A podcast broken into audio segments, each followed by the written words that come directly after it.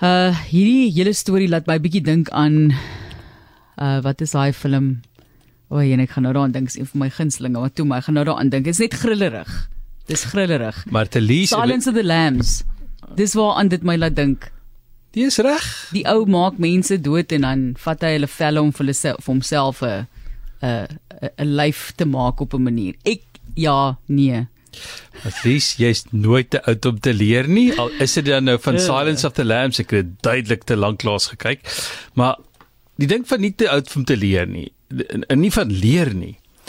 So het Katie Taylor die behoefte ontwikkel om te leer van leerlooiery vir haar doktorsgraad in kuns. Nou nie kuns leer nie, kuns.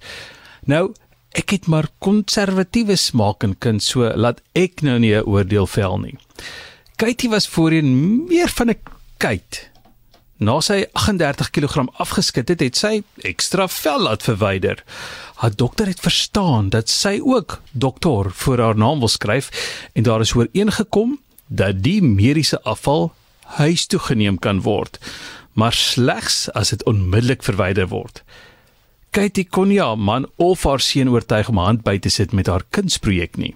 'n Ander kunstenaar kon nie die familie se dikvelligheid verstaan nie en het die 2 kg vel gaan haal.